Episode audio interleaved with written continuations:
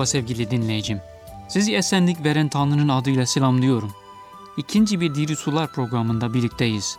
Bugün sizinle beraber kutsal kitabı incelemeye başlayacağız. Dün programımızın Diri Sular ismini açıklamaya çalıştık. Hatırlayacağınız gibi insanların çeşitli şeylere susamış olduğunu ve bu insanların en derin ruhsal ihtiyacını yalnız diri Tanrı'nın kendisinin karşılayabileceğini açıklamıştık. İnsanlar her türlü şeye susamıştır. Özellikle sevgiye, anlamlı bir yaşama, kalıcı şeyleri susamıştır. Ve Tanrı kendisi insanları şöyle seslenmiştir. Yeşaya peygamberin 55. bölümünde şöyle seslenir. Ey sizler, her susayan ve parası olmayan suları gelin. Gelin satın alın ve yiyin. Niçin parayı ekmek olmayan şeye ve emeğinizi doyurmayan şeye veriyorsunuz? Beni iyi dinleyin ve iyi olan şeyi yiyin ve semiz şey ile canınız lezzet bulsun. Kulağınızı eğin ve bana gelin. İşitin ve canınız yaşayacak. Tanrımız bize bu şekilde seslenmektedir.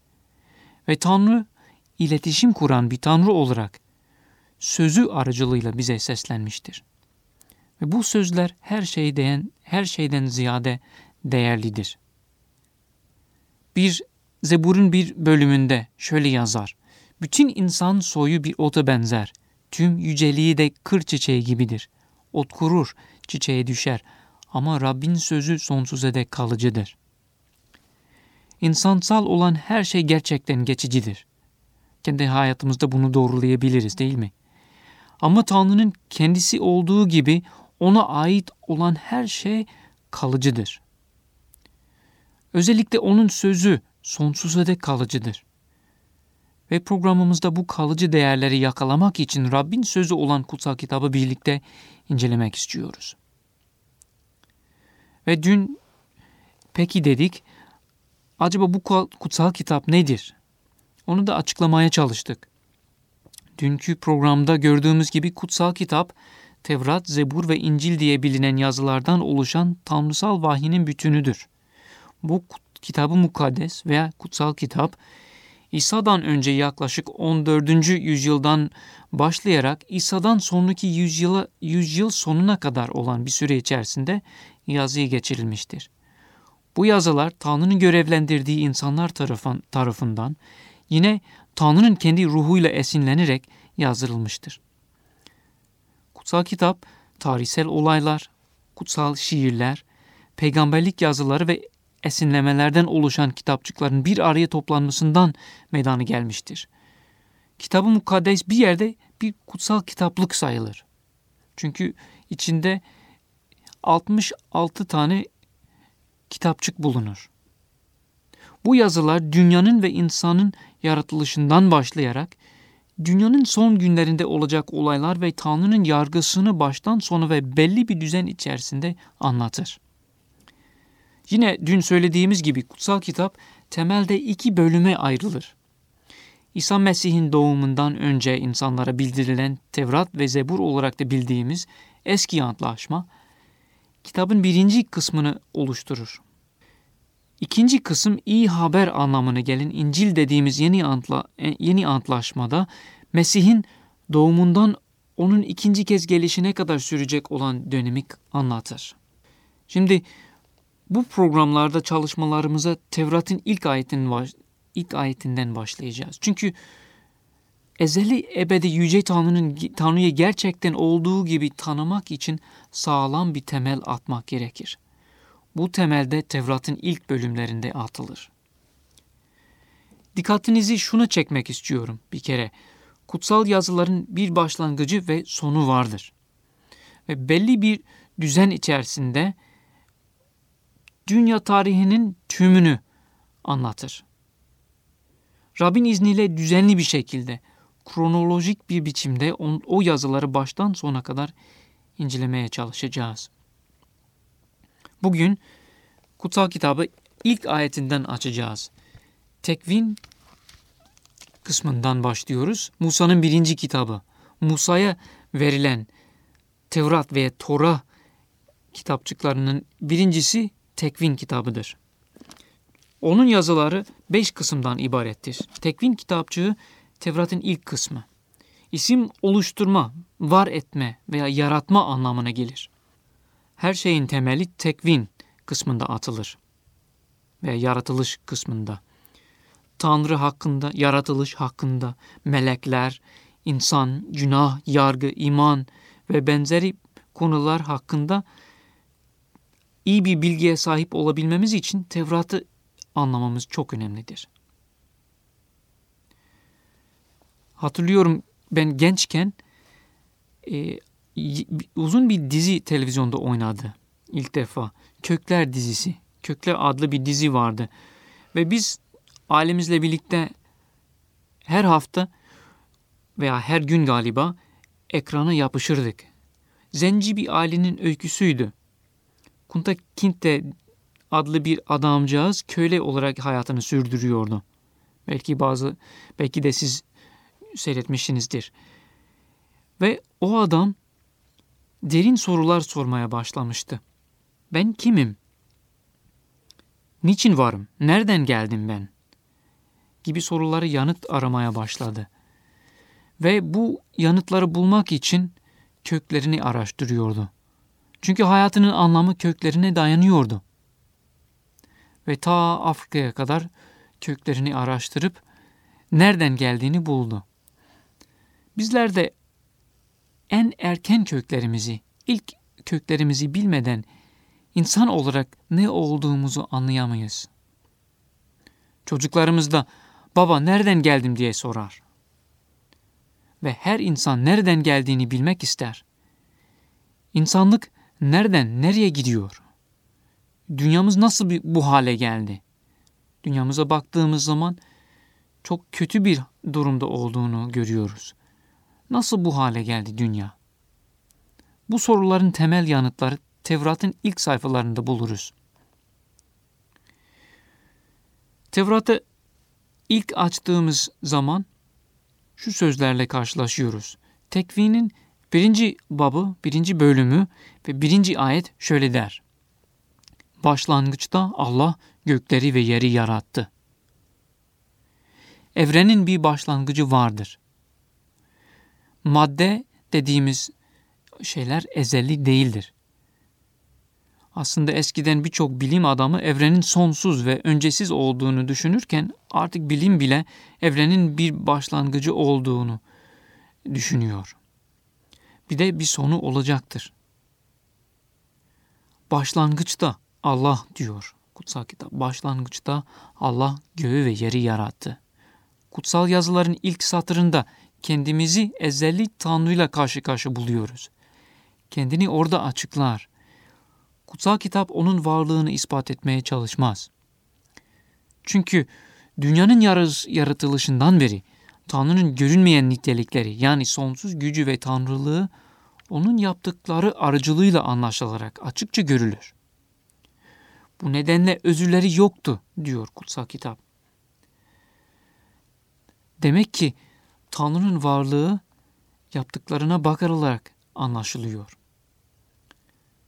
bir düzenin olduğu ve bu düzenin arkasında çok üstün bir e, tasarlacının olduğunu açıklanıyor. Görül, görülüyor zaten.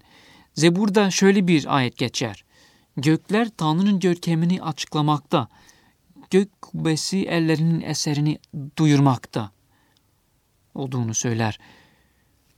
Tanrı başlangıçta ve dolayısıyla başlangıçtan önce vardı. Madde var olmadan, görülen herhangi bir şey ortaya çıkmadan o ezelden beri vardı. Yalnız ve yalnız o vardı. Ve kutsal yazılar başlangıç kelimesiyle başlar. Ve o oradaydı. Başlangıçtan önce o vardı. Bazen insanlar peki Tanrı her şeyi yarattı ama Tanrı'yı kim yarattı der.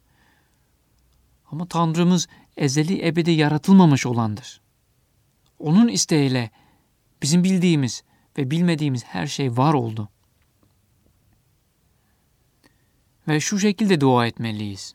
İncil'in bir ayetinde şöyle geçer. Tanrı'nın gökteki huzurunda bulunan varlıklar hep bu şekilde onu överler. Rabbimiz ve Tanrımız yüceliği, saygıyı ve gücü almaya layıksın. Çünkü her şeyi sen yarattın. Hepsi senin isteğinle yaratılıp var oldu. Evet evrenin ve dünyanın var olma amacı Tanrı'yı hoşnut etmektir. Hepsi Tanrı'yı hoşnut etmek için ve onun isteğini yerine getirmek için yaratıldı. Benim var olma amacım da odur. O beni istediği için varım. Ve sizin için de aynı şey geçerlidir. Sizi Tanrı istediği için varsınız ve değerlisiniz. Gene bu ayette başlangıçta Allah göğü, göğü ve yeri yarattı ifadesinde göğün ve yerin yaratıldığını görüyoruz. Kutsal kitap dilinde bütün evreni kapsar bu ifade. Ve bu ayetleri izleyen ayetler bu yaratılış işini açıklar. Ama bir ifadeyle göğü ve yeri yarattı diyor. E şunu da bilmeliyiz. Bazen bugünlerde çeşitli akımların e, düşüncelerinden dolayı insanlar e, Tanrı'nın da evrenin bir parçası olduğunu düşünmeye başlamıştır. Tanrı bu ağaçtadır. Tanrı bendedir. Tanrı her şeydedir. Her şey Tanrı'dır şeklinde yanlış bazı düşünceleri kapılıyor insanlar. Hayır, Tanrı yaratılışın ve evrenin dışındadır. Kendisi yalnız evreni yaratmadı ama kudretli sözüyle her şeyde devam ettirir. Bu dünya bize değil Tanrı'ya aittir. Biz kiracılar olarak sahibinden oturma şartlarını öğrenip onlara uymalıyız. Bir resime bakarsanız o resimde ressam hakkında bazı şeyler anlayabilirsiniz. Nasıl bir düşünceye sahip olduğunu belki anlarsınız. Ama o resim ressam değildir. Ve res, ressam onda değildir. Yalnız hakkında bazı şeyler anlayabilirsiniz. Aynı şekilde yaratılan dünyaya bakarak onu yaratan hakkında bazı şeyler anlayabiliriz. Ama onu onda bulamayız. Hatta insanda bile Tanrı'yı bulamayız. Tanrı'yı tanımamız için kendisi kendini bize açıklaması gerekir. Ve bunu sözü aracılığıyla yapar ve ruhu aracılığıyla yapar bize. Biz insanlar kendimizi olduğumuzdan çok daha büyük ve önemli görmeye meyilliyiz bazen değil mi? Ama insan nedir ki? Peygamberlerin kitaplarından bir iki ayet okumak istiyorum sizinle birlikte. Gene Yeşaya bölümünden 40. bab ayet 12'den okuyorum. Avucunun çukuru içinde suları ölçen ve karışla gökleri ölçen ve yerin toprağını ölçeğin içine sığdıran ve dağları kantarla ve tepeleri terazi ile tartan kimdir? Rabbin ruhuna ölçü koyan ve ölçüsü olup ona öğreten kimdir? Danıştığı adam ona anlayış veren ve adalet yolunda ona ders veren ve ona bilgi öğreten ve anlayış yolunu ona bildiren kimdir? İşte milletler kovadan düşen bir damla gibi ve terazinin ince tozu gibi sayılır. İşte adalar havaya kalkan ince toz gibidir. Ve bu Tanrı bize şöyle seslenir. Beni kime benzeteceksiniz ki ben ona müsavi olayım? Kudüs diyor. Gözlerini yukarı kaldırın ve görün. Bunları kim yarattı? O ki bunların ordusunu say ile çıkarır. Onların hepsini adları ile çağırır. Kudretinin büyüklüğünden ötürü ve kuvvetinin zoru ile onlardan hiçbiri eksilmez. Bilmedin mi? İşitmedin mi? Ebedi Allah, Rab dünyanın uçlarını yaratan, zayıflamaz ve yorulmaz. Onun anlayışının derinliğine erilmez. Zayıf olanı kuvvet verir ve takati kalmamış olanın kudretini artırır. Gençler bile zayıflar ve yorulur ve yiğitler bütün bütün düşerler. Fakat Rabbi bekleyenler kuvvetlerini tazeler. Kartallar gibi kanat gerip yükselirler. Seyirtirler ve yorulmazlar. Yürürler ve zayıflamazlar.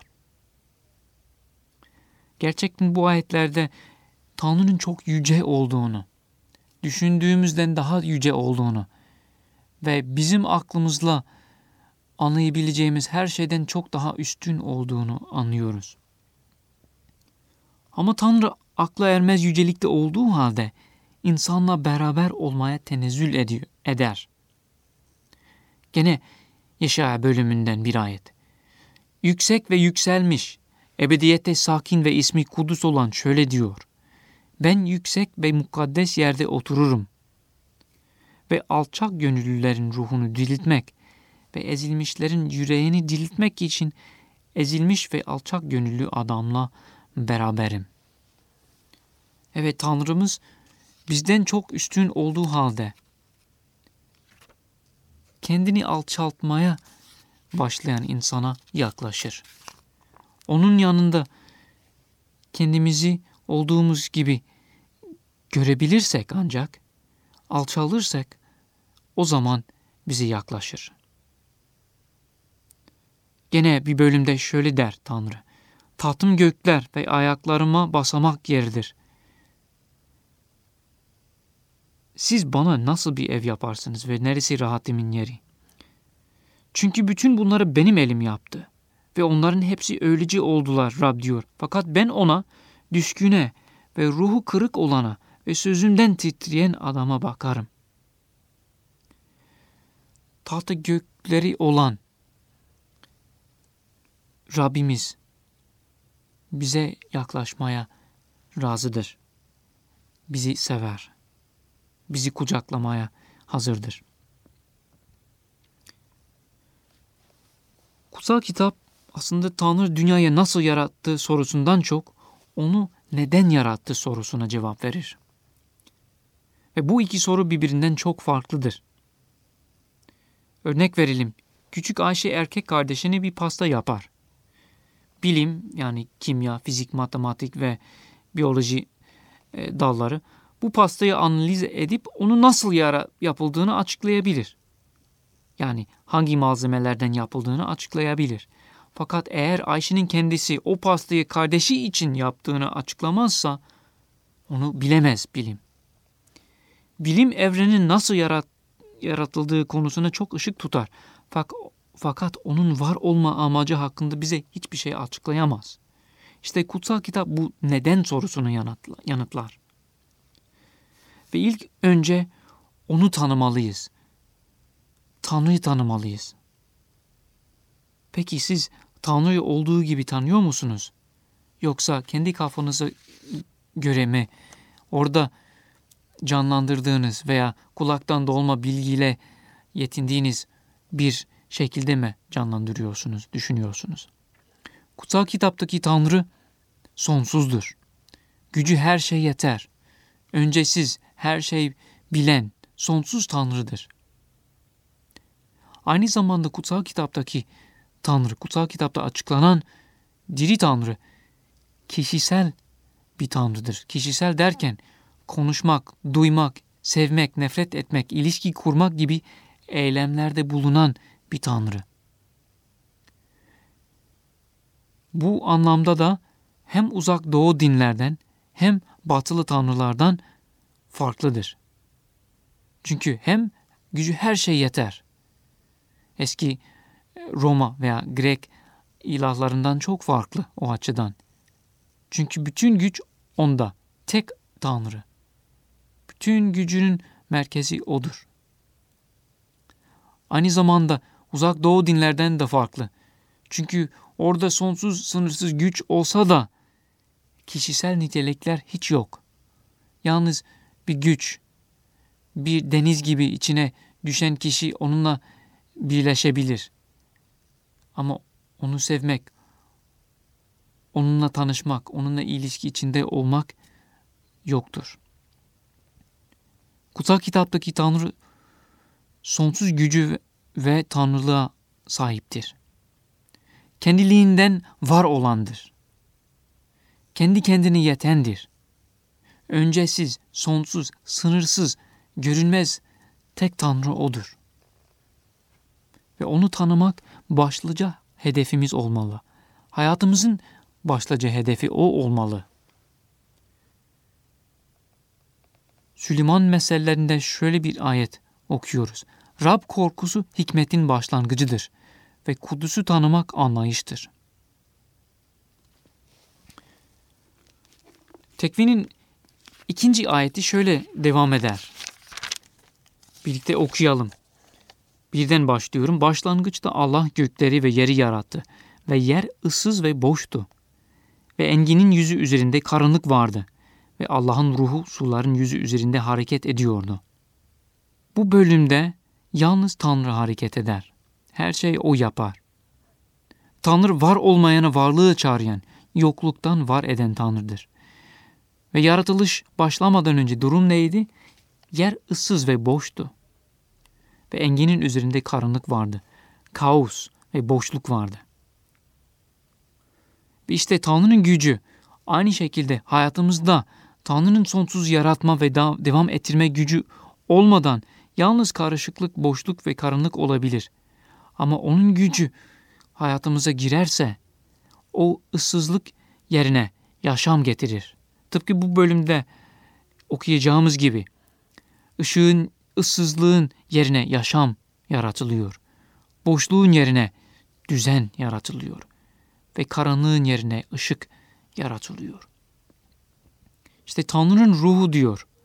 Bu karanlık ve kaos üzerinde hareket edip hazırlık yapmaktaydı. Çünkü Tanrı karışık, karışıklık değil, selamet Tanrısıdır. Hayatınızda bu selamet var mı? Bu düzen var mı? Yoksa hayatınız ıssız, boş, karanlık bir yere mi benzer? Tanrı'nın ruhu yaşam verendir. Hayatlarımızda da bu öyledir. Yaşam veren ruhtur. Tanrı'nın ruhu hareket ettiği yerde bir şeyler kesinlikle olacak. Aslında Tanrı'nın ruhu ifadesi ifadesi bize bize bir kapı açıyor. Tanrı'nın kendi e, varlığıyla ilgili bazı açıklamalar yapar bize. Çünkü bu ayetlerde Tanrı'nın özü ve Tanrı'nın ruhu geçer. Ve biraz daha aşağıda Tanrı'nın sözü de geçer. Yani Tanrı'nın özü, Tanrı'nın kendisi, Allah'ın kendisi yanında Allah'ın ruhu da hareket ettiğini görüyoruz. Tek Allah ama anlaşılıyor ki Tanrı'nın tekliği çok basit bir teklik değildir. Hatta Tanrı'nın İbranice ismi Elohim bile çoğuldur. Elohim, im eki çoğul ifade eder çoğulluğu ifade eder. Ve burada bir sır yatmaktadır. Tanrı tektir. Tek Tanrı'dan başka hiçbir varlığı tapılamaz. Ama Tanrı'nın kendisinin veya özünün yanında Tanrı'nın ruhu ve sözü de görülmektedir. Tabii ki kutsal kitabın ilk satırlarındayız. Bu, bunlar yalnız ima ediliyor. Tanrı'nın özü, sözü ve ruhu konusu. Ama yine de diyebiliriz ki Tanrı'nın kendisinin ve özünün yanında Tanrı'nın ruhu görülmektedir. Ve bu imalar daha sonra tek Tanrı'ya baba, oğul ve kutsal ruh olarak açıklayan kutsal yazılarla tam bir uyum içindedir. Tabii ki dikkatli dinleyen insan anlar ki ben burada Tanrı'nın üçlü bir yapısından söz etmekteyim. Bu konuya daha sonraki programlarda geleceğiz. Ama burada bilelim ki bu Hristiyanların ve Hristiyanlığın yaratmış olduğu bir kavram değildir. Tevrat'ın ilk satırlarında bile bu çoğulluk görülmektedir. Teklikte çoğulluk var. Bu gerçeklerin bizim için önemi nedir ki? Bir kere bütün evren onun yüceliğini beyan ederken, Tanrı'nın yüceliğini beyan ederken bizim hayatımızda onu tanıdığımızı gösteren belirtiler olmalı. Peki var mı? Davranışlarımız onun yüceliğini beyan eder mi? Yoksa yalnız sözde mi tanıdığımızı mı söylüyoruz? Yine o gökleri geren ve yerin temelini atan ve insanın içinde olan ruhuna şekil veren Tanrı'dır. Ruhlarımızın babası olarak her konuda ona şükran borçluyuz. Yaratan olarak ona onur borçluyuz. Ve her şeyimizle her zaman onu onurlandırmalıyız. Bu çalışmalara devam ederken içtenlikle dua etmeliyiz. Çünkü yalnız Tanrı yalnız Tanrı kendini bize tanıtabilir. İnsanın düşüncelerini, insanın içinde olan kendi ruhundan başka kim bilir? Bunun gibi Tanrı'nın düşüncelerini Tanrı'nın ruhundan başkası bilemez. Öyleyse en büyük ihtiyacımız Tanrı'nın ruhunun açıklamasıdır. Onun için dua edelim. Gelecek programımızda yaratılış olayını göreceğiz. Meleklerin özellikle nasıl yaratıldığını ve şeytanın nasıl isyan ettiğini göreceğiz. Sevgili dinleyicim, gelecek Diri Sular programında görüşmek ümidiyle size iyi günler dilerim. Tanrı'nın bereketi üzerinizde olsun. Hoşçakalın.